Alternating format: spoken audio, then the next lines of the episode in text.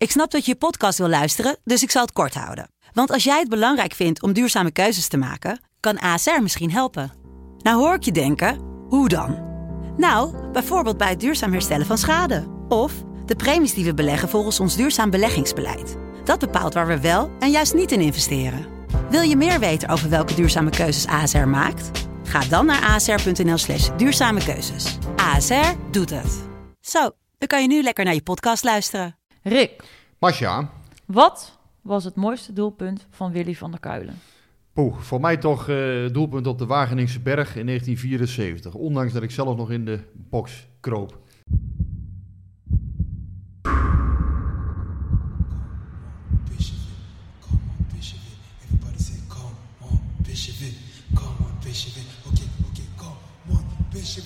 Come on, come on,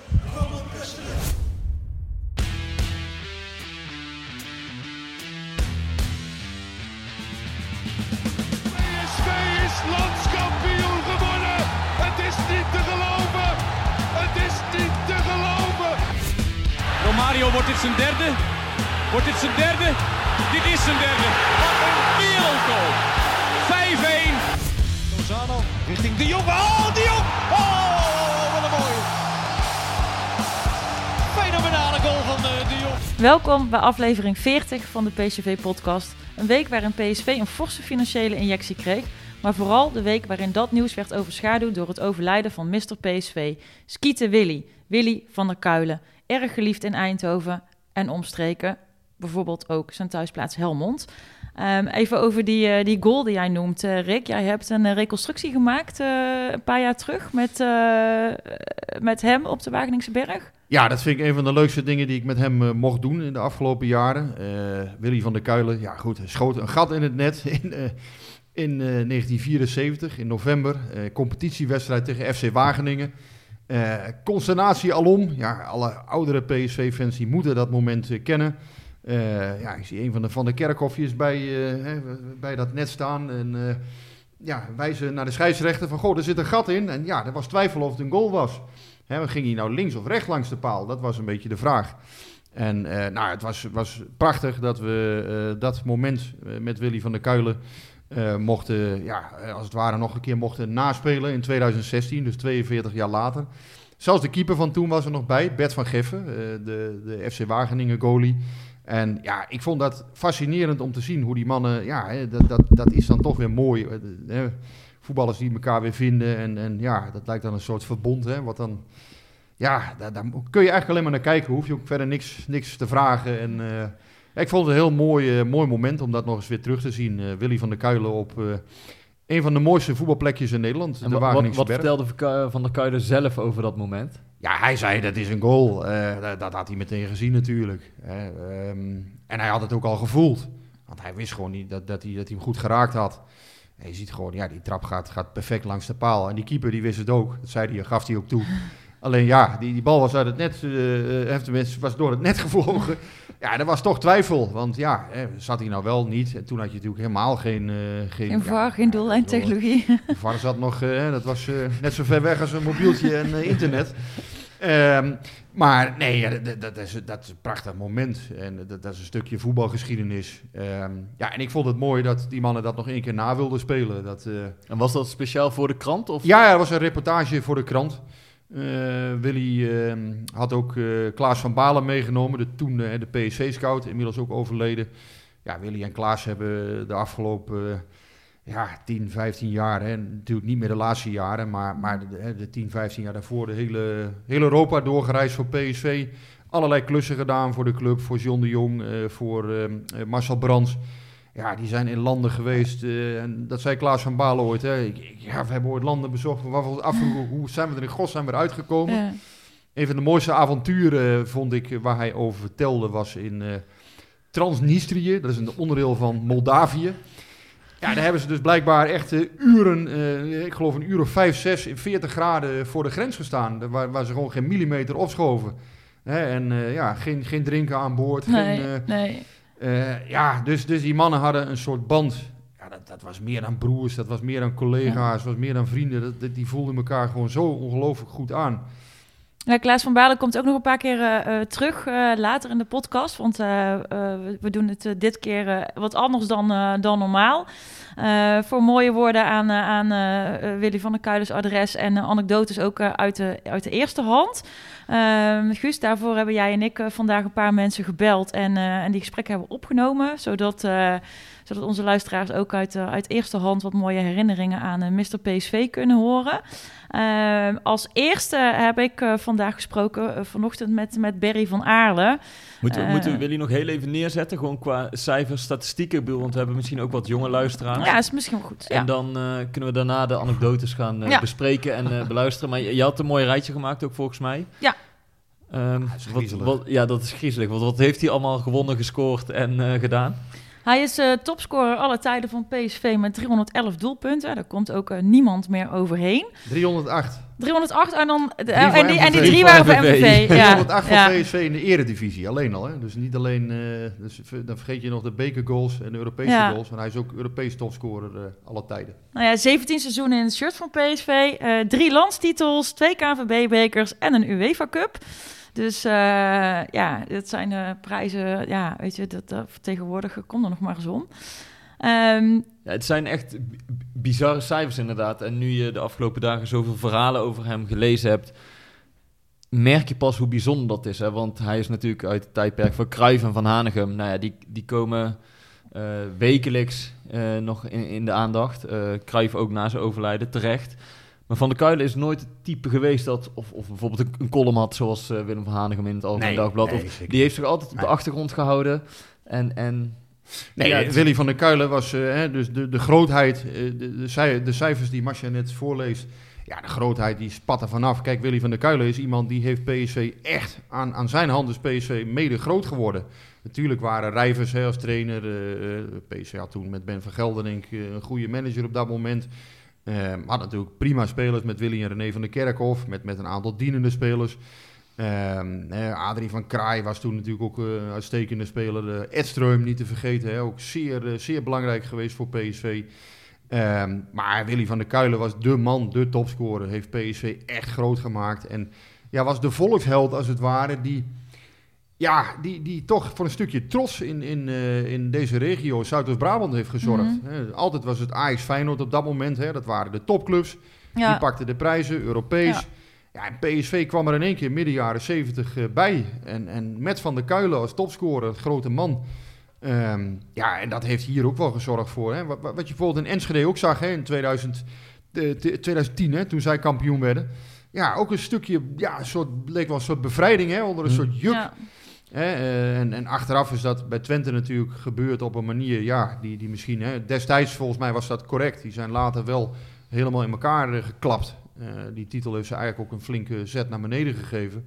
Omdat Munsterman te veel in zichzelf ging geloven. Maar bij PSV was het, um, ja, was, was Willy van der Kuilen een van de vliegwielen. Ja. Achter die, die, die, ja, die topclub hè, die PSV nu nog is. En, en daar is die basis ook gelegd in de jaren 70. Ja, daar hebben, daar hebben we straks ook nog wat, uh, wat, wat, mooie, wat mooie verhalen uh, over die dat uh, helemaal onderschrijven wat jij, wat jij zegt.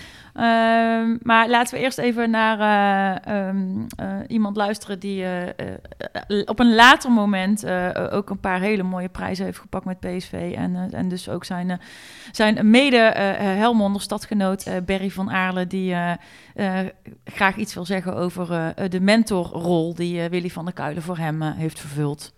Willy was voor mij gewoon... Um uh, hoe moet ik het zeggen, een, een, een, eh, een voorbeeld als kind. Ik was klein. Hij was al prof. En een voorbeeld en, en later een mentor. En, en, en weer iets later, uh, ja, de, de, de, hebben wij gewoon altijd in mijn carrière, dat hij niet meer speelde, ja, analyseerden we wel ooit mijn wedstrijden, weet je niet. En zo mhm. zijn we in, in, in de vriendschappen eigenlijk geraakt. Dus echt, echt, uh, ja, de dingetjes die ik meemaakte in de scouting, ja, dat zijn, dat zijn eigenlijk ook, ja, gewone dingetjes. Dat zijn, uh, ja, daar kan ik wel wat over vertellen. Dat, die, dat, dat was we ergens bij een wedstrijd kwamen. Uh, Willy wilde altijd al heel vroeg zijn. En dan vroeg je van Bergen zijn opstelling halen van die elftallen. Maar ja, dan waren die ploegen zelf nog niet. Snapte? Dus ja. dat kon helemaal niet. En, en zo was Willy een beetje heel bescheiden. En, en, en uh, ja, zulke dingen maakten, ja, maakten we dan mee. En we hebben, ja, we hebben wat tripjes gemaakt met, met, uh, ja. Ja, ik heb nog wel iets, nog, nog wel iets met scouting. Dat ik moest van, van Hiddink moest ik met, met Van de Kuilen naar een eh, wedstrijd in eh, Kroatië. En eh, toen ehm, konden we niet terug. Die vlucht ging niet terug, dus we moesten daar blijven slapen. En hij, ja, wil je helemaal in paniek en ik heb geen tandenborstel en geen, geen onderbroek bijzuiveren. En hoe moet dat nou? Kennen we niet ergens anders vliegen? Nee, ja, dat kon niet, want we moesten ja, eigenlijk op en neer ging die wedstrijd. Maar ja, en, dus we moesten daar blijven slapen. Maar hij, oh, ik bel Guus wel even of die zei, maar Guus kan dat ook niet regelen, wil hij. Dus we moeten gewoon rustig hier blijven slapen en morgen kunnen we terug. Zo. Die dingen raakt hij dan een beetje van, eh van de slag. Dat is eigenlijk wat de leuke ding, maar het is gewoon ook zijn bescheidenheid. Nou, en, eh, Barry en ik gingen ook een beetje rekenen eh, samen vanochtend. Dat kan ik niet zo heel goed, maar eh, we kwamen wel samen tot de conclusie dat Willy van der Kuilen niet alleen meer dan 50 jaar bij, PSV in dienst was. Hè, die, die korte uitstapjes onder andere naar MVV daar gelaten, want die, die hebben gewoon even niet geteld. Maar zijn dienstjaren bij PSV, eh, die zijn ook ongeveer de helft van het hele bestaan van PSV. Eh, PSV eh, bestaat dus nu eh 108 jaar dit jaar. En als je daar dus meer dan 50 jaar van bij die club hebt gewerkt, ben je dus gewoon ongeveer de helft ja, van die club. Dat vonden wij best wel een, een eh, bizarre eh, eh, conclusie. Wel een hele mooie conclusie. Maar dan, dan besef je eigenlijk pas van wow, dit is wel heel, heel heftig. En nou ja, Barry die bewaart nog wat meer herinneringen ook aan, aan hem. En nou ja, je hoort ons even rekenen in, de komende, het komende fragment. Het is, duidelijk, hè, 17 jaar PSV. ehm, successen gehad daar, topscorer alle tijden. Ehm, ja, de, de, Mr. PSV wordt niet zomaar. Dus dat is wel, eh, ja, hij is gewoon, eh, als je zegt Mr. PSV, dan ben je, dan ben, eh, ja, dan ben een grote. Ja, ja dat, Dat dat, wordt, dat wordt ook niet meer overtroffen, hè? Nee, nee, maar kijk, een, een, een Mr. PSV is er onderin. En Ja. die, die, die kan er geen twee hebben. En, en, en, en niemand die, eh, die eh, nee, dat gaat gewoon niet, want hij, hij, heeft gewoon, ja, dat is, dat is zo gekomen en, en, eh, en hij is altijd de club trouw gebleven. Later ook als, met een klein uitstapje nog volgens mij NVV in het begin even. Maar ja, dus verder is het allemaal maar echt PSV geweest. Dus ja, Willy is gewoon PSV en eh, ja, dat, dat, dat, is, dat duidelijk. Later als trainer nog en later als scout. En, ik heb dan uit als de alle jaren bij elkaar optelt, ik weet niet. Dan zijn dat er nog wel wat. Eh, ja, dan, eh, dan komen we een, eh, een, een heel eind van uh, ver voor mijn geboorte. Ja, want ik dacht dat hij 64 is hij ehm, naar PSV gegaan. En ja, bij kleine tussenstapjes, MVV, overpelt dacht ik een keer. Wel altijd bij de club betrokken gebleven. Dus tot nu toe. Dus tel maar uit, hoeveel jaar is het? Vier, Eh, vier- vanaf 1964, nou 2021, kan jij goed tellen, Masja.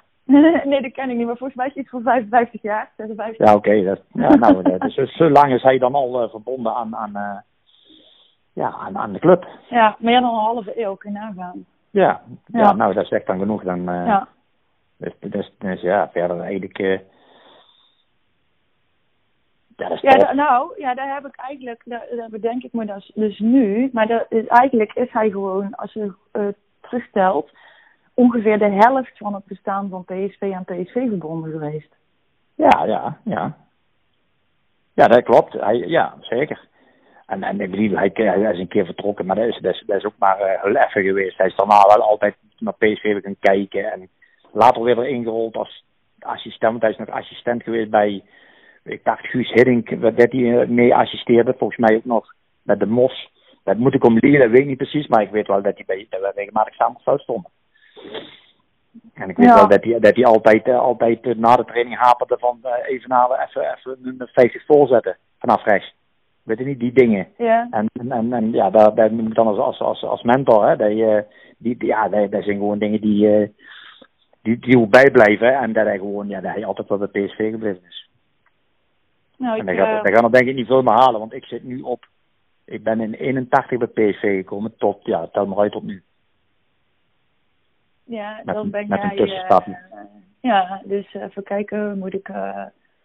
oh, dan ben jij dan 39. Ja. Nou, dat schiet toch ook op, Berg? Ja, dat schiet ook op. Ik ben, ik bedoel, zolang ik, zolang ik leef zal het ook niet veranderen. Maar het is wel zo dat je, dat je ja, dat, dat, ja, dat wel uniek is. Als je ziet dat je gewoon een halve eeuw aan één klop verbonden bent, ik zie, dat zie je niet meer gebeuren. Ja, dat was eh, eh, Barry die eh, dus vanochtend wat tijd voor ons gemaakt heeft om wat herinneringen op te halen aan, Hulde, hulde. aan Willy van Barry, der Kuilen. ook een keertje aan hè, bij, bij deze podcast. Wij willen, heel graag, wij willen heel graag dat Barry een keer aanschuift, maar dat, Ah, dat dat komt vast goed. Ehm, ja, Rick, toen wij, eh, dus net, eh, hè, daar hadden het er even over dat hij dan inderdaad niet, niet bij, bij PSV zijn actieve voetbalcarrière heeft, Ja, ja. Heeft, heeft geëindigd. Hè? Dus toen hij echt nog speelde. Ehm, en ehm, weet jij hoe dat, hoe dat komt? Dat hij uiteindelijk toch een beetje...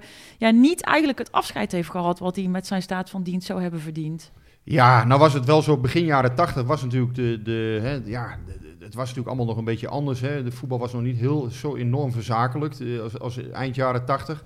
Maar met een afscheidswedstrijd had hij natuurlijk wel best wel, had, was er een mooie som geld voor hem, eh, was er natuurlijk toch wel opgehaald waarschijnlijk. Nee, het is allemaal anders gelopen. Ehm, ik heb daar ook met, met Frans van der Nieuwhof over gesproken, zijn biograaf, het boek eh, Onze Willy, dat hij in 2011 heeft gemaakt. Frans kan daar prachtig over vertellen. Ehm, nou ja, Thijs Liebrechts was toen eh, in charge bij PSV.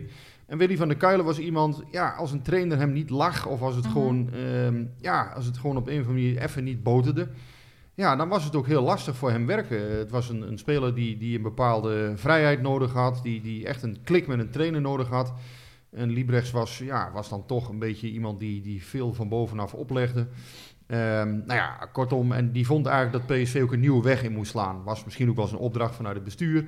Maar eh, Van der Kuilen, ja, die is weggegaan toen. Die is heel snel bij MVV een contract getekend. Ja, je zou zeggen, zo'n wereldspeler eigenlijk toch, hè, eh, ja, die, die dan naar MVV gaat. Dat zou nu volstrekt ondenkbaar zijn in de huidige tijd.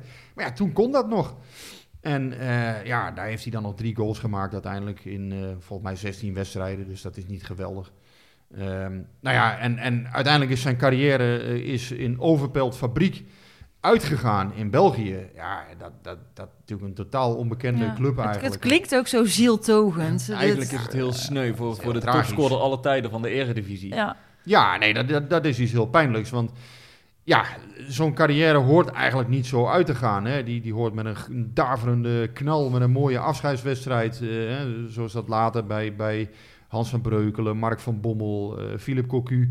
Ja, dat zijn, hè, dat zijn ook PSV-iconen. Maar Willy van der Kuilen, ja, die staat daar in mijn ogen nog een stapje... Mhm. Nou, Hans van Breukelen vind ik ook wel heel groot trouwens hoor. Maar ik vind Willy van der Kuilen, ja, die staat daar in mijn ogen nog een stapje boven. En Ja, als je zo de afgelopen dagen een beetje PSV-sports hoort, die zeggen dat dit is de grootste PSV'er ooit die Ja, is overleden, ja. zonder enige twijfel. Ja. Het is ook wel een generatiedingetje, Guus, hè, denk ik soms. Want ja, tuurlijk, Van der Kuilen is, is voor iedereen die iets... Ja, hè, ik, ik ben bijna 47, dus ja, ik, ik kan me heel vaag dus nog wel wat dingen herinneren van hem als voetballer. Maar iedereen die jonger is dan ik, zal dat niet hebben. Dus, Ja, ik, ik kan daar wel eh, op aansluiten, inderdaad. Want ik heb hem nooit, natuurlijk nooit zien voetballen, maar hij is ook niet de, de speler geweest van wie je zegt: Oké, ik ga eens wat oude beelden terugkijken van spitsen. Dat je meteen van der Kuilen typt. Als je oude PSV-spitsen gaat terugkijken, dan typ je toch Romario, Ronaldo, dat Ja. soort types in. En, en ik zei het net al tegen jullie: Van der Kuilen was voor mij toch ook de man. eh, het clubicoon dat, dat eh, het shirt pre- overhandigde aan een, aan een speler als die gepresenteerd werd bij PSV. ja. En eh, toen ben ik daar een beetje over gaan lezen. En ik begreep, en ik, ik weet niet of je dat kan bevestigen inderdaad, dat Marcel Brands heeft daar een beetje voor gezorgd sinds 2010. Die heeft hem een beetje die rol gegeven van, eh, of de status ook, die die, die verdiende naar buiten toe. Nou ja, het was zo dat, dat eh, Willy ehm, had helemaal niet zoveel te besteden. Kijk, hij heeft eh, in het einde van zijn carrière, hè, dus in, in de eindjaren, heeft hij ja, misschien nog 100.000 gulden per jaar eh, gehad. Dat was veel geld toen, maar die heeft zich niet financieel onafhankelijk gevoetbald. Kijk, elke speler nu met zijn staat van dienst, die zou multimiljonair zijn. Mhm. Maar destijds was dat niet zo. Dus Willy heeft eigenlijk helemaal niet zoveel geld verdiend. Ik geloof dat je in de eindfase toen al wel het CFK had, het pensioenfonds eh, voor voetballers. Eh, dus er is wel iets daarheen gegaan. Maar ja, hij had het helemaal niet zo breed. En ehm, uiteindelijk heeft, Marcel Brands in eh, 2013 was dat volgens mij. Marcel Brands hem de toezegging gedaan. ehm, wat er ook gebeurt, Willy van der Kuilen blijft bij ons in dienst. Hij had volgens mij nog een soort van duobaan met Klaas van Balen als scout dan toen. En eh, Marcel heeft toen gezegd van wat er ook gebeurt, ik kan me nog herinneren, hij blijft altijd in dienst bij ons. En, en we zullen, hè, dus we zullen altijd voor hem zorgen. En Ton Gerbrands en John de Jong hebben die afspraak ook altijd gerespecteerd. En daar was Willy ook dankbaar voor. Dat merkte hij ook aan alles. Hij was daar eh, heel content mee. Eh, het contract eh, ja, werd, toen volgens mij in 2016 of zo een vijfjarig contract afgesloten. Dus dat loopt volgens mij op een gegeven moment nu ook af. Maar ja, dat, dat vind ik ook wel weer. Ja, clubs Maar doen toen dat werd niet hij ook weer iets meer... Nee, dat, ze doen het sowieso niet Nee, zo maar dat vind ik dus wel iets heel moois. Ja. Kijk, Ja. Want Willy van der Kuilen is zo groot. Ja, en, en destijds was het natuurlijk zo, hè, onder Van Gelder, ja, eh, eh, eh, Van der Kuilen had wel een zaakwaarnemer. Ehm, maar ja, die was dan weer wat... wat hè, ik bedoel, die Nou, ja, die man kwam uit Zon, hoorde ik vanochtend van Berry. Die, die zaakwaarnemer kwam uit Zon en die was ook eh, PSV-fan. Dus die, eh, Ja, die was goed met Van Gelder die eh, had er ook wel wat belang bij dat, eh, dat, dat eh, Willy eh, bij PSV bleef. Eh, nou is het wel zo, heb ik vandaag ook begrepen, dat, dat eh, eh, Willy ook zelf wel het liefst ehm, gewoon Dicht bij huis bleef. dicht bij, dicht bij huis bleef. Ja, het is, hoe dan ook, hè, eh, dit is een, een, een, een, zou nu een, een topster zijn. Hè, een, een geweldige ja, voetballer met alles wat erbij komt kijken aan social media tegenwoordig, aan, aan exposure. En ja, Willy van der Kuilen ging gewoon eh, op vakantie op een camping in Kerkdriel. Ja. Hè, en die ging lekker vissen. Ja, Ja. Dat, dat, Ja. dat heeft natuurlijk ook wel iets Dat heeft ook iets. Maar want hij, hij heeft in de loop der jaren altijd wel inderdaad, wat jij zegt, scoutwerk verricht voor PSV. Maar was hij eigenlijk voor het grote publiek helemaal niet zichtbaar. Nee, En toen nee. hij sinds Tot, 2010... tot met die shirtpresentaties, eh, ja. de, de, de shirts mocht overhandigen tijdens de presentatie. Toen werd hij weer een beetje zichtbaar. En dan nog zag je hoe bescheiden die was. En Ja. dat hij eigenlijk liever niet per se op de voorgrond hoefde te staan. Maar hij vond het volgens mij wel een eer dat, dat ja, aan hem werd gevraagd of hij dat shirt wilde overhandigen. Ja, zeker. Dat vond hij heel, eh, vond hij heel mooi. En eh, ja, wat je ook van hem kunt zeggen, hij lachte altijd bij dat soort momenten. Hij was, hij, ja, het was, hij was, het leek mij altijd de koning te rijk. Hij vond het volgens mij fantastisch om te doen. En eh, ja, ik, ik, Ja. ik heb het altijd een buitengewoon vriendelijke man gevonden. Maar staat hij met zijn karakter ook niet een beetje symbool voor, voor de club of de cultuur die PSV wil uitstralen? Ja, dat denk ik wel. Ik denk dat hij inderdaad echt een ster was die helemaal geen, geen ster hoefde te zijn. Weet Nou, je, een ster, alle- maar geen verdette. Ja, hij was helemaal geen verdette. Hij hoefde, hoefde hij ook helemaal Nee. niet. Hij was hij een hoefde niet het zonder hardste dat... schreeuwen om eh, op de Nee. voorgrond te staan. Nee. Of, eh, Nee, nee, en ja, maar dat was ook wel een beetje de, de, de club van toen. Ja, ik bedoel, eh, hè, de, de mannen uit de jaren 70, het zijn allemaal gewoon, hè, René en Willy, eh, Ja. zijn ook hartstikke benaderbare eh, mensen. Ja. Ja, het zijn allemaal gewoon, ja, ja, maar die hebben nog wel eens een keer een carnavalsingle opgenomen. Dat zie je wel. Dat nee, dat ik niet zo- gedaan. die hebben Nee. misschien wel een soort van, van ijdelheid. En desondanks zijn ze wel gewoon enorm benaderbaar Ja. altijd. Ze zijn altijd... Jawel, maar ze staan wel, ik snap wel wat Guus bedoelt, want ze staan wel iets meer op de voorgrond. Ze laten zich bijvoorbeeld ook op, eh, ik, eh, eh, ze laten zich ook horen in de media over hoe PSV het doet. Ze en, hebben- ik weet eh, niet, bij Omroep Brabant zo hebben ze ja, het, ik ze weet hebben het niet precies. maar ik zeg elke stuk hebben ze, ja. Oh ja, lekker laten doen, joh. Dat is toch Nee, dat is heerlijk, maar dit is- Willy eh, precies. van de Kuilen volgens mij. Nee, nee, Die dat hoefde dat Van niet. Kuilen. Nee. Nee. die zou dat niet... eh, nee, ja, dat was niet, zijn, niet zo zijn ding. Hij is nooit zo... eh, Frans van der Nieuwhof heeft hem ook heel lang eh, aan het hoofd gezeurd over die biografie. Ehm, maar ja, uiteindelijk heeft hij dus toch toegestemd om, om, daar, eh, om daaraan mee te werken. Maar het mooie is wel, wat, daar hebben we het nu over inderdaad, hoe, hoe bescheiden hij was. En ik, ik sprak vanmiddag even Harry Timmermans als voorzitter van de supportersvereniging. En die zei ook, Willy was vooral groot in bescheidenheid. En, gewoon voor iedereen benaderbaar te zijn. Door, geen capsones te hebben, maar gewoon willig te zijn. Zich nergens te groot voor voelen. Eh, eh, gewoon nooit het contact eh, verliezen met zijn, eigen achtergrond en, en, en, en de, de, basis van een club. En dan zijn het de supporters. En, en ook iemand die, wat ik wel, in deze tijden komt natuurlijk ook vaak, vaak het verhaal voorbij van de, de, het conflict wat er zich in heeft afgespeeld tussen enerzijds Willy van der Kuilen en, en Jan van Beveren. En anderzijds eh, eh, eh, Johan Cruijff in 1975. Er wordt altijd een beetje het beeld gecreëerd dat hij daarin het onderspit heeft gedolven. Terwijl ik juist het heel erg krachtig vond dat hij eh, gewoon vanuit zijn principes heeft gezegd, ja, tot hier en niet verder. Allemaal deze omstandigheden doe ik niet meer, doe ik niet meer mee. En hij heeft daar de consequentie aan verbonden, hij heeft ook de prijs voor betaald. Hij heeft nooit in rancune teruggekeken. Nou, dan ben je, ook een groots, nee, gewoon een grootste persoonlijkheid met een, met een sterk karakter. Eh, en ik vind het mooi dat dat ook in deze dagen belicht kan worden. Dat het niet is iemand die zich van de bak liet bijten. Maar is gewoon gezegd, wel met die omstandigheden doe ik niet mee. Ja, dat is, dat, dat, dat is mooi dat, dat, eh, dat die kant nu ook gewoon verteld kan worden. Ja, het eh, beruchte incident bij het Nederlands elftal in 1975.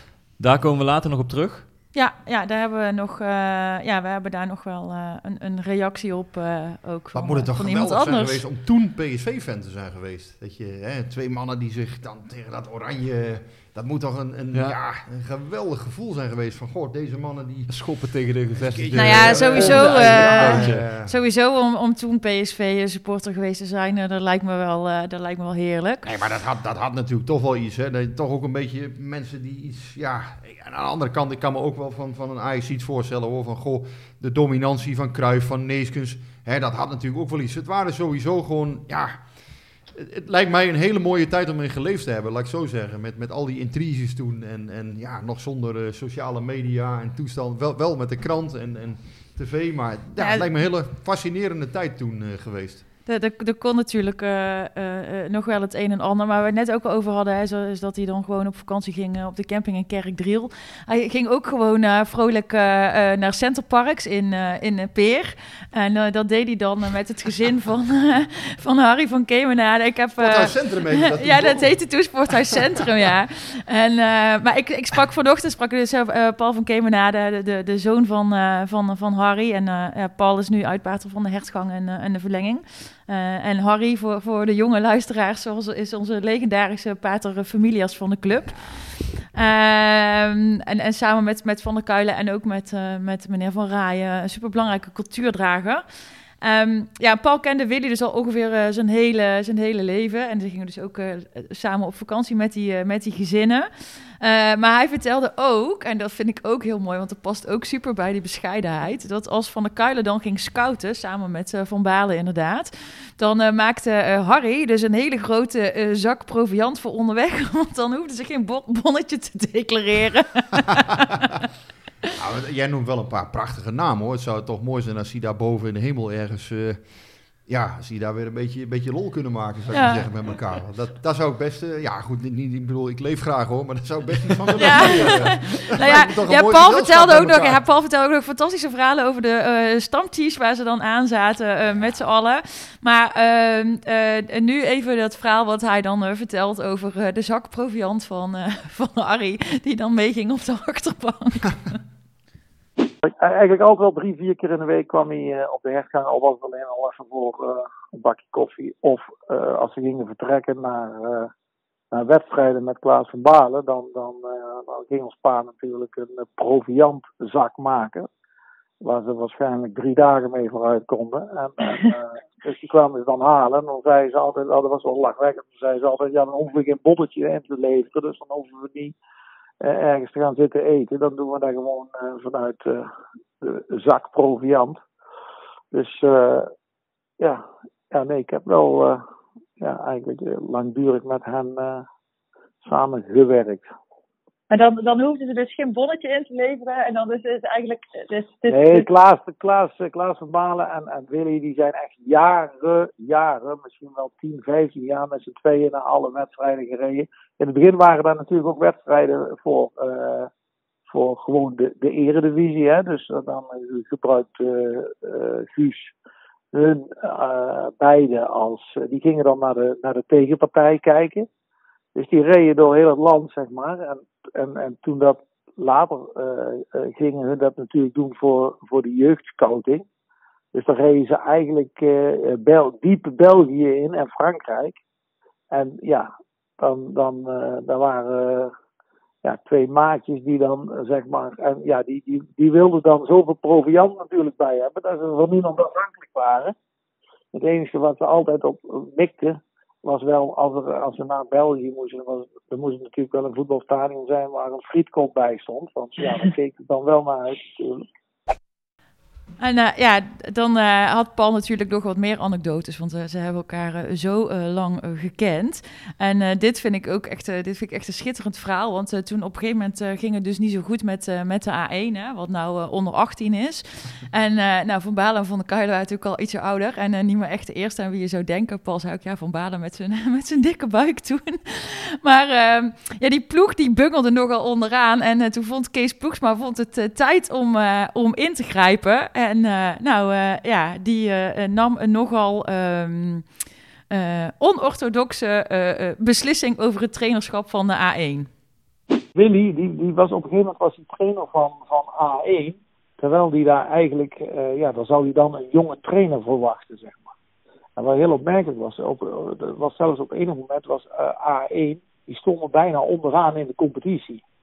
Dus wat gebeurde er toen? Toen was Willy en Klaas, die, die waren dan zeg maar beide trainer van de elftal geweest. En die waren geen trainer meer, die waren al gestopt, die waren alweer aan, aan het scouten.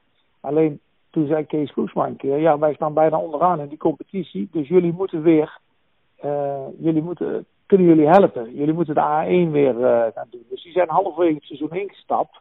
Nou, dat kan je je wel voorstellen, uh, zijn, zijn adjudant Klaas met een veel te dikke buik. En, uh, en eigenlijk al uh, qua leeftijd zou je die nu niet meer voor die groep zetten, zeg maar. Maar hun begonnen aan die klus. En de elftal begon weer te draaien. En, en volgens mij, ja, ik weet niet precies zo, maar ze zijn weer bovenin geëindigd, zeg maar. Dus het, het, het mooie is dat ook Willy, die kon, die kon, ondanks dat hij misschien wat ouder werd, kon hij nog steeds die jeugd raken. En ja, daarop volgde dus natuurlijk uh, in de periode van, uh, van uh, Ruud van Nistelrooy is Willy ook, ja, Ruud die vroeg Willy ook wel eens ooit om ja, advies. En dat heeft er ook in geresulteerd dat, bijvoorbeeld Luc van Acht wel eens zei tegen Willy van Willy kom eens eventjes meehelpen, want we zijn met herstel bezig van Ruud. En dan, dan, dan deed Willy ook een soort spitsentrainer, zeg maar. Ja, en, uh, en, en uh, Ruud die, uh, ja, die, die vond dat geweldig. Want die, die gaf, Willy gaf gewoon goede tips. En daar waren gewoon trainingen waar Ruud ook iets aan had. Dus, dus Willy kon ook gewoon met de jeugd omgaan. En terwijl je zou zeggen, ja, een hele rustige man. Maar even los van zijn voetbalkwaliteiten kon hij ook goed met jeugd overweg. Dus uh, eigenlijk als je goed luistert naar, uh, naar wat, uh, wat Paul vertelt, dan danken we een heel goede Ruud van Nistelrooy aan het ingrijpen van, van, van, van der Kuilen toen bij, bij de A1. Ehm, maar behalve een heel goede spits en ook een heel goede spitsentrainer, was Van der Kuilen ook een hele goede scout. Alleen met computers kon hij niet zo heel goed overweg. En ja, daar heeft Paul ook nog wel een leuk verhaal over hoe, dan, hoe Van Balen en Van der Kuilen dan toch samen probeerden om al die data rond die spitsen ergens uh, ingevoerd te krijgen. En, en, uh, maar ja, het is wel dat... mooi dat Paul dat zegt, want ik denk dat dat best wel in de voetballerij soms een onderschat iets is. Dat je uh, spelers, echte topspelers, nog net 1, 2 procent beter kunt maken. Door hele kleine dingetjes, hoe je, hoe je trapt of hoe je, ja, hoe je staat of wat dan ook. Maar die, die 1 of 2 procent kan vaak net het laatste beetje verschil maken. Ja. En, en die echte topspelers, die voelen dat van elkaar volgens mij gewoon aan. En... en ja, ik kan me helemaal voor, ik zie dat helemaal voor me, hoe Van der Kuilen met Niels en Van Nistelrooy heeft gewerkt en misschien nog net een heel klein beetje hun Ja. heeft kunnen leren. Nou, dat, dat zei Perry ook. Eh, eh, dan was het gewoon... eh, eigenlijk was de training klaar. En daarna was het gewoon 50 keer schieten, schieten, schieten, schieten. En gewoon gaan, gaan, gaan. Dus er zit ook een bepaalde ehm, gedrevenheid in... Die ik, heel, die ik heel mooi vind. En waarvan ik dus denk dat, dat die, die generaties daarna... die dus ook onze jongere luisteraars nog wel tot de verbeelding spreken... dat ze er echt wel wat aan hebben gehad. Dus ja, dat, dat is natuurlijk gewoon top. Ehm, Alleen, uh, ja, en, en hij, hij wist ook meteen, we hebben gisteren al ergens gelezen, maar dat, uh, Paul bevestigde dat ook. Hij kon kijken naar, uh, als er gingen scouten, dan wist hij het gewoon meteen. Die kan wel voetballen en die kan niet voetballen. Vanmorgen nog het mooie, want dan gingen ze scouten bij wijze van spreken. Tegenwoordig heb je Scout 7 of zo heet, hè? dus dat is allemaal software waarbij ze van alles in moeten voeren. Nou, Willy die voerde helemaal niks in, maar die kon de computer nog niet aanzetten.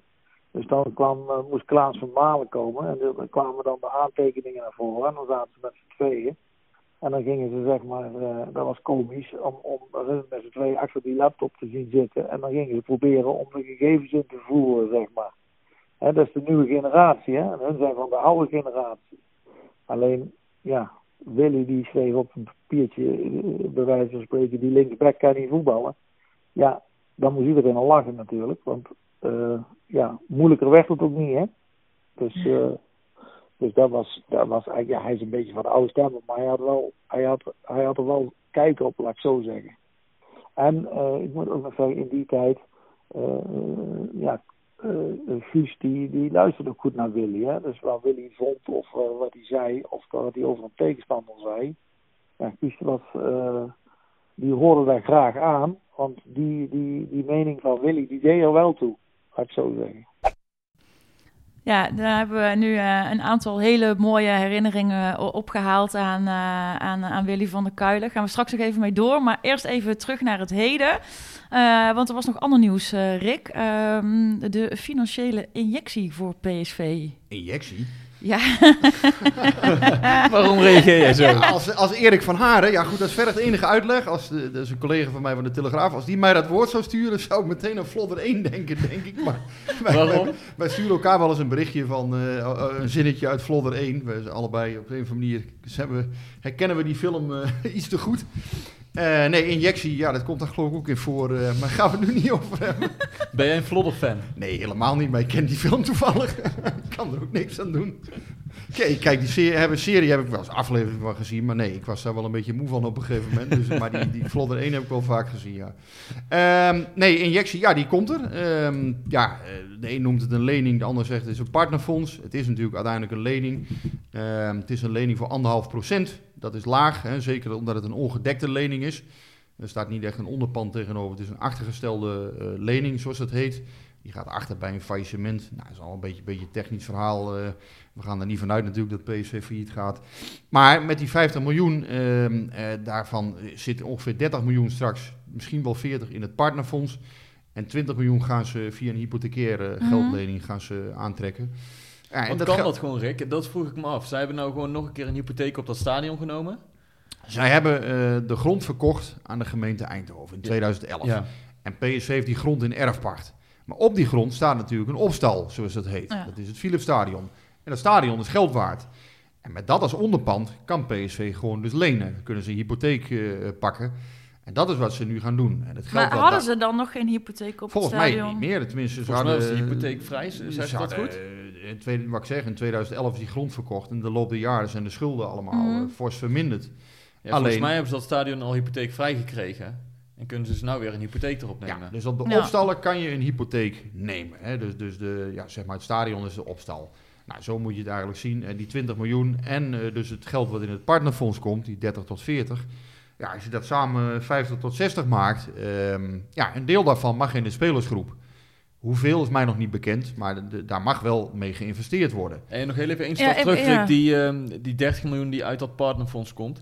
Zijn dat weer dezelfde Brainport partners die meer geld gaan inleggen? Of komen er nieuwe partners bij?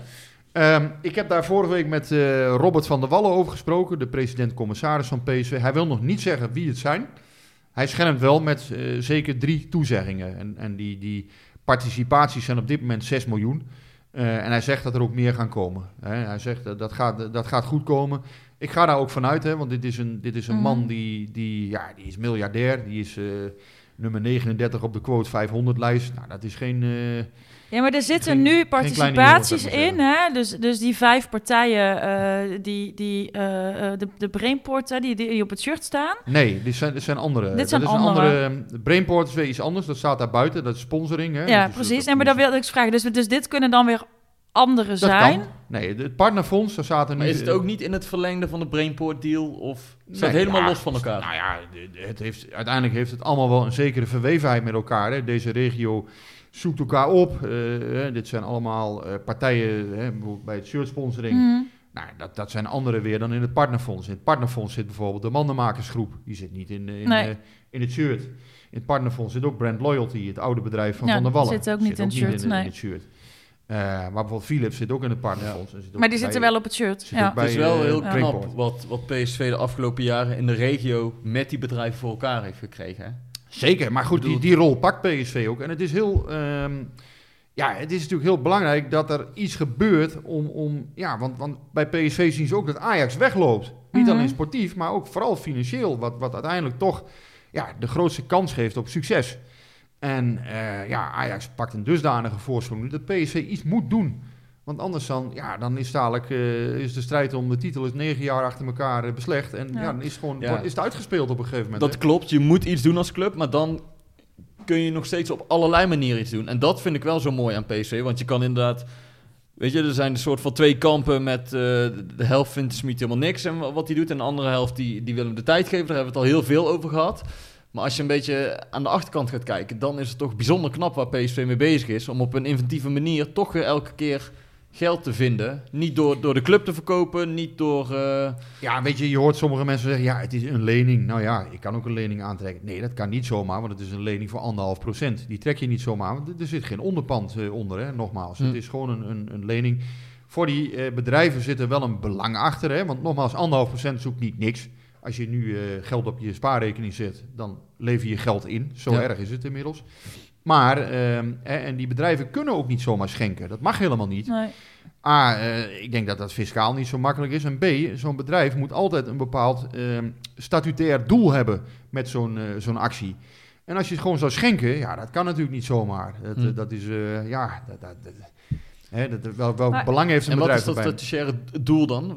Je krijgt nu in ieder geval rendement. Dus je krijgt in ieder geval anderhalf procent 100%. rendement. Dus daarmee heb je wel een bepaald doel. Ik denk namelijk dat ze dat op een spaarrekening bijvoorbeeld...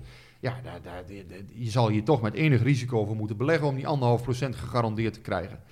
Ehm, nou, daar gaan ze dus voor. En ze gaan ervan uit dat PSV gewoon een solvabele partner is... Mhm. Die, eh, die in staat is om het straks ook terug te betalen. Ja, want het moet dus wel ooit worden terugbetaald. Ja, nou, het vorige partnerfonds was het geld voor minimaal 10 jaar verstrekt. Dus eh, volgens mij is het na 10 jaar deels opeisbaar. Ehm ja, hoe dat nu precies zit, dat heb ik niet met hem eh, besproken. Ehm, wat ik wel heb gezien is dat eh, Robert van der Wallen een commissaris is die echt vooruit wil met PSV. Ehm, ja, die echt naar een fase van expansie weer wil. Hè? Dus eh, ook financiële Ja. expansie. En die moet zich uiteindelijk gaan vertalen in, eh, in ja, het vergroten van de kans op prijzen. Hij baalt gewoon dat PSV drie jaar niks heeft gewonnen. En ja, volgens mij vanuit zo'n soort realisme kun je alleen maar ergens komen. Hè, je moet wel de feiten onder ogen zien. En dat is gewoon dat PSV drie jaar echt niks heeft gewonnen inderdaad. Nee. Nou, dat, dat zegt hij ook heel duidelijk. Onomwonnen. Ik baal daarvan. Ik wil dat PSV weer prijzen gaat winnen.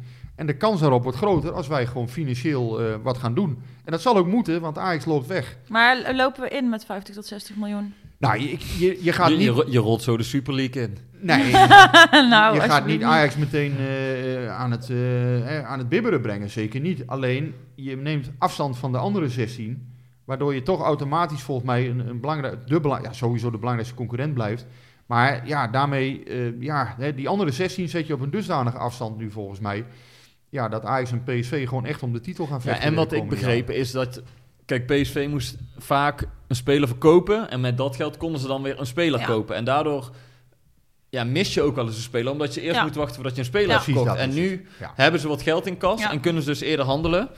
En ze gaan dus niet alleen de, de, de oudere toppers halen, maar ook talenten. Die willen ze dan verder ontwikkelen op de hertgang die ze helemaal hebben verbouwd. Ja. En als je die dan voor meer geld kunt verkopen, ja, dan investeer je als Ja, het met ware... geld maak je geld. Dus, Ja, dus, dus je moet het wel hebben om Ja. het later te kunnen Ja. vermenigvuldigen.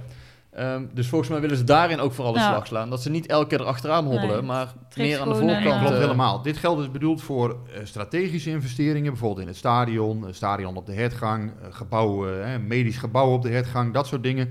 Maar eh, je kunt bijvoorbeeld ook een Denzel Dumfries, hè, die je eerder bij Sparta misschien al had willen halen, die dan naar Heerenveen gaat, die je voor 5,5 miljoen een doorverkoop moet, moet halen.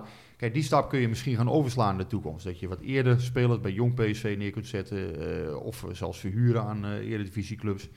Ehm, nou, dat soort dingen. En je kan misschien een keer zeggen: Goh, ik, ik ga met dat geld misschien toch een keer een topspeler eh, oppikken. Hè, dat zal natuurlijk niet. eh, daar moet je natuurlijk ook voorzichtig Nou, mee zijn, want ja. geld kan dan snel verdampen. Ehm, maar ja, daar zullen ze ook met, met die investeerders, neem ik aan, eh, bepaalde clausules voor afspreken. Van goh, dat het wel. Maar heel concreet, blijft. hoeveel, hoeveel eh, miljoen van die 50, ah, 40 à 50 miljoen die er eh, waarschijnlijk binnenkomt, gaat er naar de spelersgroep? Eh, Dat weet ik nog niet. Maar daar kan in ieder geval een substantieel deel van naar de spelersgroep. Dat is mij wel eh, gezegd. En eh, hebben we dan nog nieuws eh, eh, wie degene is die eh, dat geld mag uitgeven aan de spelersgroep? Nou, niet al dat geld dus. Hè. Dus, dus kijk, het is niet zo dat John de Jong even een cheque van 50 miljoen krijgt. Zo is het natuurlijk Nee, maar het is dus wel John de Jong, zeg jij nu. Ik denk, ja, nee, het wordt John de Jong. eh, Ja, dit was denk een, ik. een, een, Dit was een heel goed bruggetje voor mij, maar je Nee, ik- mist ik, hem. Denk, ik denk dat het John de Jong wordt. PSV wil namelijk met hem verder.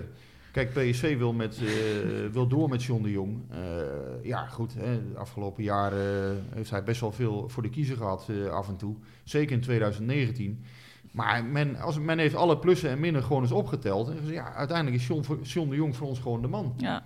En wij willen gewoon met, met John de Jong, Toon Gerbrands en Roger Smit als trainer gewoon door. En dat vind ik wel, vind ik, ja, op zich is een teken van, van hè, dat men streeft Ja. naar continuïteit. Dus ehm, ja, nee, John de Jong, het is de bedoeling dat hij, eh, dat hij blijft. Maar nogmaals, ja, hij moet nog wel ja zeggen Maar natuurlijk. PSV noemt daar ook heel nadrukkelijk de naam van Smit elke keer in. Hè? Ik bedoel, ze willen Ja. met John de Jong verder, maar toch weer die drie-eenheid. En Ja. die is al eerder een keer bij PSV geweest hè, met Cocu, Brands en Ja, eh, Gerbrands. Dat ja. bedoel ik. En Ja, nu zoiets willen ze eh, eigenlijk heb ik ook zo'n gevoel dat ze weer zo'n drie-eenheid aan het creëren Ja. zijn. Ehm Smit heeft natuurlijk nog wel maar een contract voor een jaar na dit Klopt. seizoen. Eh, heeft een, een redelijk dikke vinger in de pap gehad met het samenstellen van het team. Dus, dus je moet daar ook wel... Ja, dat, Nou ja, ze proberen natuurlijk. Ik, ik denk, hè, maar goed, nogmaals, Smit moet eerst nog maar eens even tweede worden met, met PSV. Hè, want dat is volgens mij wat nu eh, voorop staat. Ehm, ja, nou, dat zal eerst nog maar eens even gehaald Ja. moeten klopt, worden. maar ze kijken wel al verder. Als dat lukt, denk ik wel dat in de zomer, hè, dan, dan gaan ze sowieso door met elkaar, dat verwacht ik. Als dat lukt, ja, dan, dan, dan verwacht ik eigenlijk ook wel dat hij op termijn zal zeggen, ik doe er weer eens een jaartje bij eh, op een gegeven moment. Maar Smit is niet iemand die eh, heel lange contracten sluit. Nee. Dat, daar houdt hij, daar wordt hij, ja, daar krijgt hij... Nee, dat klopt. Maar ik bedoel meer in de zin van PSV wil echt gaan bouwen nu. Die zijn een nieuwe weg ingeslagen. Ja. En die, dat Ja. moet je ook de tijd geven, vind ik. Maar ik denk dat als Ja. Smit verlengt, dat dat met een jaar zal zijn. Verwacht ik hoor, want hij, hij, hij voelt zich Ja, maar dan zit hij weer met een termijn van twee jaar, dus dat is, dat is op zich niet zo erg. Waarom zou hij nu voor vijf jaar iets af Nee, moeten vijf sluiten? jaar niet. Alleen het zou mooi zijn als je ook met, met een trainer kan gaan bouwen voor een paar jaar. Jawel, maar als hij nu voor, nog voor een jaar weer Ja. erbij neemt, dan is het weer twee Ja, jaar. dus het is niet maar weer dan Ja, een jaar. Als dat, dat, dat verwacht ik dan. Hè. Nogmaals, ik heb de waarheid, even wijsheid ook niet in pacht. Maar als het, als het gebeurt, verwacht ik zoiets dat hij ergens in de zomer of iets na de zomer een jaar extra zou misschien tekenen. Dat zou kunnen. Maar nogmaals, daar zijn nu op dit moment, want dat heeft hij zelf gezegd, is daar nog niks over, eh, over afgesproken. Nee. Helemaal niks. Nou, dan eh, hebben we nu even naar de toekomst gekeken, maar dan gaan we Dan toch gaan we nog heel eventjes terug. Terug eh, naar, eh, naar de grootste PSV ooit. Hè? Dat, dat, dat- zoals de supporters zeggen. En een van die supporters is Erwin de Cruijff. En hij is niet alleen supporter, hij is ook uitbater van de aftrap. Ja, stadionbar, de aftrap naast, naast het Philipsstadion. En Ja, voor hem, voor hem is Van der Kuilen de grootste PSV'er ooit. Simpel is het. Ik heb zijn, eh, zijn hoogtijdagen mee mogen maken, eh, jaren 70, onder Kees Schrijvers. Dus ik heb eigenlijk alles vanaf die tijd gevolgd met PSV. En eh, vanaf die tijd zijn ze ook echt een topclub geworden. En ja, daar is eigenlijk niemand die, die hem kan evenaren. Dat is gewoon... Zijn misschien andere voetballers die misschien wel iets technischer waren of zo. Maar het hele complete plaatje... Nee, daar kan niemand hem evenaren. Ja, en het mooie was, want wij eh, zitten hier over Van der Kuilen te praten, maar wij eh, hebben hem alle drie niet zien voetballen. Masha, jij en ik waren geloof ik nog niet eens geboren. Eh, nee, ja, ik wel hoor. Oh, ik jij vind het wel? heel, complimenteus van Oh. je, maar ik, wel, ik, ik had ook wel een tijdje erbij Je kunnen bent toch van zijn. 1993? eh Martiaal? Precies. Nou, Ja. in ieder geval, eh, Erwin zat wel al op de tribune toen, eh toen Van der Kuilen nog in het Philipsstadion actief was. En eh, daar had hij ook nog wel wat over te zeggen. Het eigenlijk het beste elftal is wat ik ooit heb zien, eh, zien voetballen. 88 hebben ze natuurlijk de Europa Cup 1 gewonnen. Maar eh, ik vond ze in de jaren 70 met Willy van der Kuilen, Gebroeders van de Kerkhof, en noem het maar allemaal op, Ralf Wedstreum. Jan van Bee vond ik het echt het beste elftal wat ik bij PSV heb, heb gezien. En, en wat was de rol die Van der Kuilen daarin speelde? Kun je dat nog herinneren? Ja, Van der Kuilen was, eh, was ja, met, eigenlijk speelde alles om draaide. Daar werden bijna alle ballen ingeleverd en die strooide, die strooide maar paasjes van links naar rechts. En zowel links en rechtsbenig, noem het maar allemaal op. Plus daarbij scoorde hij zelf nog heel veel goals. Ja, fijn dat we nu, dat we nu eh, toch eh, op deze manier eh, super corona-proof eigenlijk een aantal mensen aan het woord hebben kunnen laten. Deze podcast die ja, vanuit allerlei invalshoeken wat, wat te vertellen hebben over Willy van der Kuilen. En ik vind ook dat hij die, die ode en die aandacht en die ere verdient. En normaal zouden we nu vragen van luisteraars doen. Maar ja, omdat we deze aflevering toch zoveel mogelijk in het teken hebben laten staan van Willy van der Kuilen. en het eerbetoon dat hij dus verdient, doen we dat deze week niet. En halen we nu met nog één iemand wat herinneringen op. En dat is sportjournalist Juriaan van Wessem. Die voordat hij sportjournalist werd, al op jonge leeftijd supporter werd van PSV. In een, in een Ajax-bolwerk, maar wel supporter werd van, van PSV. En dan met name van Willy van der Kuilen. En ik heb hem ook vanochtend gesproken. En ja, hij heeft echt fantastische verhalen, onder andere over hoe zijn band met Willy begon. Willy was, uh, denk ik, vereerd dat er iemand vanuit uh, Noord-Holland altijd naar Eindhoven kwam, of vaak naar Eindhoven kwam. En er was toen, um, is de, de, de, de fanclub Willy van der Kuilen opgericht. En uh, daar ben ik meteen lid van geworden. En die hadden, uh, er was in, in 75, vlak na het kampioenschap, was er een, een, een, feest ter gelegenheid van een wedstrijd van Mulo tegen PSV in, uh, in Helmond. En toen ben ik bij die fanclub geweest en die vonden dat prachtig. Uh, en die, die, die, die, hebben me eigenlijk voor alles uitgenodigd. En op een gegeven moment, ja, dan was het ook van, wil je Willy ontmoeten? En toen zei ik, ja, natuurlijk. Dus de volgende keer dat ik kwam, zat Willy ook in die kroeg. En uh, Willy zag allemaal plakboeken en, en um, uh, ja, en daar, daaruit is een contact ontstaan. En ik moet ook eerlijk zeggen, uh, zeker tot, tot uh, de jaren negentig, daar kwam je Willy ook nog wel eens tegen in het stadion. En we hebben nog heel veel, tot die tijd heb ik ook echt veel nog voor die supportersclub gedaan. En op een gegeven moment gaat dat verwateren, want hij stopte natuurlijk met voetballen. En dat vond ik zelf een enorme kater, dat hij eigenlijk zonder afscheidswedstrijd bij PSV wegging. Mm-hmm. En ik heb het nog vaak met uh, Kees Ploegsma erover gehad. Dat ze wel echt voor Willy moesten zorgen. Want Willy was natuurlijk net de voetballer die in de verkeerde generatie zat. Die zich niet uh, heel rijk kon, kon spelen. Terwijl hij een transfer naar Real Madrid had, had gemist. En dat, daar heeft hij nooit spijt van gehad. Heel eerlijk denk ik dat ik ook niet weet of hij het daar zou hebben gemaakt. Maar hij had wel binnen kunnen zijn na zijn carrière als hij die sprong had gemaakt. Het was een totaal andere tijd uh, uh, dan, uh, dan nu. En eigenlijk supporters en spelers kwamen elkaar ook allemaal tegen. ook gewoon in de kroeg bij het stadion. Maar Juriaan die ging nog een stapje verder en die logeerde gewoon bij Willy van der Kuilen thuis. Het was natuurlijk een hele andere tijd wat dat betreft. Je kwam gewoon altijd wel die spelers tegen. En op een gegeven moment, dat is natuurlijk heel bijzonder... Ehm, zou ik naar een wedstrijd komen, PSV Feyenoord... En toen uh, was de, de schoonvader van Willy, dat was uh, meneer Verlijsdonk. En um, daar, mocht ik altijd, daar kon ik altijd bij logeren. Maar die had toen geen plek. En toen heb ik bij Willy geslapen thuis, met, bij Willy en Nel. Dus ja, zo dicht ben ik bezig geweest. Ja, en zo had hij eigenlijk nog een, nog een prachtig verhaal. Kun je je nu ook niet meer voorstellen. Hè? Want voordat ze hele, voor, überhaupt voordat ze een wedstrijd moeten spelen, dan moeten ze al, gaan ze vaak de nacht van tevoren al in een hotel en gezond eten. En nou, er gebeurt eigenlijk van alles. Maar die spelers die zitten wel allemaal met elkaar. Ehm, maar niet toen Willy PSV Barcelona moest spelen. Want Juriaan die had dus kaarten, kreeg hij via Willy. En had Willy gezegd, uh, die moeten maar even in de winkel uh, opkomen halen.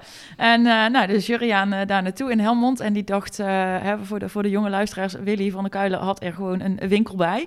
En dus Juriaan ging naar die winkel en hij dacht... Um, nou ja, er zal wel iemand anders in die winkel staan uh, die nu uh, mensen staat te helpen, klanten staat te helpen. Maar nee, Willy stond daar gewoon nog vrolijk voetbalschoenen bij een kind aan te meten. en dat was vier uur voor de aftrap. en nou ja, Juriaan vertelt even hoe dat toen ging. En ja, eigenlijk het verhaal wat je je nu niet meer voor kunt stellen. In die tijd ben ik best wel vaak ook bij Willy thuis geweest. Dat ik wist waar hij was en dan belde ik op, komt het uit. En dan zei hij, ja, kom maar binnen. Uh, maar ik moet om, om twee uur moet ik weer naar de winkel. En in de winkel, dat is ook een heel...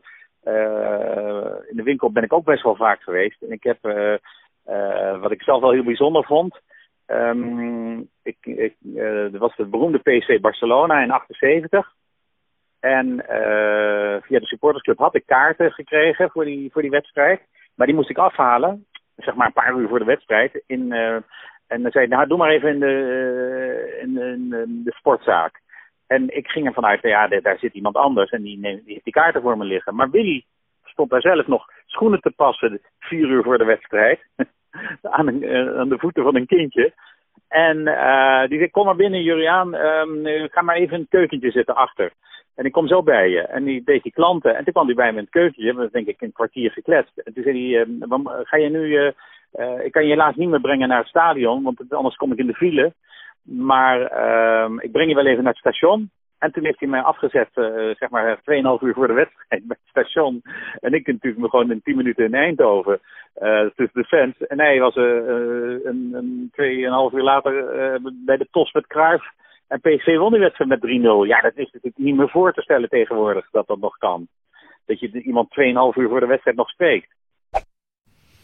Ja, en uh, om dan uh, uh, toch maar even nog die, die anekdote uit aan te halen. die minder leuke anekdote uit het leven van Van der Kuilen zouden nog op terugkomen. Hij was nooit actief op een groot toernooi voor het Nederlands elftal. Ondanks zijn vele doel, doelpunten. En dat had te maken met natuurlijk die, ja, die, die, ruzie die hij heeft gehad met, met onder andere Johan Cruijff, hè, de, de, de, de, de koning uit, uit Spanje. Maar uh, zelf was hij totaal niet rankeneus. En dat blijkt ook wel achteraf. Juriaan die, die vertelt ook daar nog wat meer over. Plus dat hij ook nog even vertelt hoe uh, Skieten Willy, en uh, dit is ook belangrijk voor onze uh, jeugdige luisteraars, want dit vertelt eigenlijk een stuk, heel stuk geschiedenis van onze club, hoe Skieten Willy eigenlijk aan de basis stond van het huidige PSV en de successen die de club heeft gehad, ook in de afgelopen tijd, en, en waar de club nu staat. Als bij PSV, ja, die gemoedelijkheid die kwam je bijna nergens tegen. Het was echt een ontzettende vriendenclub. En, um, en eigenlijk ook, dat, dat is natuurlijk toch wel een aspect uh, nooit helemaal gewaardeerd. Hè? Uh, zeker niet in die tijd. En dat had ook te maken met dat conflict bij Oranje. Maar um, uh, ja, van, van Beveren en Van der Kuilen waren toch een beetje van ja, outcast. Hè? En nou, dat stuk gisteren is natuurlijk fantastisch. van Frans van den Nieuwenhof op de VI-website. Waarin hij ook uitlegt van ja, hij wilde daar helemaal niet meer met rancune op terugkijken. En dat is ook wel Willy helemaal. Hè? Van ik heb toch ook een goede tijd gehad. Ik ben gaan carnavallen met Kruif en um, uh, dat is een beetje opgeblazen, dat conflict. Maar het was toen in die tijd was dat echt wel zo. En dat was ook, kijk, ik heb hem uh, in januari uh, heb ik dus bij ze, na één nacht bij ze gelogeerd. En in die week neemt hij het besluit om niet naar Argentinië mee te gaan. En dat heb ik altijd wel jammer gevonden. Want had het in Argentinië had hij het echt enorm kunnen maken, maar hij, hij kon niet tegen um, wat hij dan noemde de intervoetbalmafia. Uh, van uh, Cor Koster en, en, en ook uh, Ruud Krol en Johnny Rep, daar kon hij eigenlijk niet tegenop. En daar had hij gewoon geen zin in. En dat is ook uh, Willy ten voeten uit. Hè? En natuurlijk samen met Van Beveren, maar het is natuurlijk eeuwig zonde dat hij dat WK in 78 niet heeft gespeeld. Kijk, 74 was, lag iets anders, daar zat geen conflict bij, maar uh, hij voelde dat hij nou nooit een basisplaats zou krijgen. En ik geloof dat, dat Nel sukkelde met haar gezondheid. Dat was ik denk dat ze een hele zware griep niet. Uh, die bleef veel te lang. En toen hebben ze besloten om op vakantie te gaan in mei. Dat natuurlijk een heel raar uh, principe is. Maar het WK was toen niet zo'n groot evenement als het nu is. Dus dat, daar viel wel wat voor te zeggen. Want hij zag er toch tegenop om drie weken in een trainingskamp te zitten als reserve. Hè? Um, dat, dat, dat, daar had hij geen zin in. Hij voelde zich toch wel de topscorer van Nederland. Maar hij snapte ook wel dat uh, Rep Cruijff en, uh, en, en Keizer en Van Hanegem en Neeskens in de basis zouden staan. En Keizer is uiteindelijk wel meegegaan. Die heeft zijn basisplaats gespeeld op dat toernooi. Die heeft een enorm traumatisch WK gespeeld. Die is ook meteen daarna gestopt met voetballen. Nou ja, dat wilde Van der Kuilen niet. En ik denk dat Rijvers hem dat ook had geadviseerd van... concentreer je nou even helemaal op PSV en binnen een jaar kun je kampioen zijn. Want uh, dat was toen echt een, een, een revolutie. Dat PSV opeens begon te winnen bij, bij Ajax, bij Feyenoord uit. Dat is echt een ontzettend belangrijke wedstrijd in de geschiedenis van PSV geweest. Uh, januari 75. Als PSV die wedstrijd verliest, wordt het nooit de topclub die het nu is. Daar ben ik van overtuigd. Want uh, ze moesten er doorheen breken. Maar wat Twente niet is gelukt, is PSV wel gelukt. En waar PSV nu staat, is toch wel heel anders dan waar Twente nu staat. Ja, Mr. PSV, dat kan er maar één zijn en hij droeg die eretitel met recht. Nog één keer Juriaan over de laatste ontmoeting en daarna zijn prachtige ode aan Skieten Willy.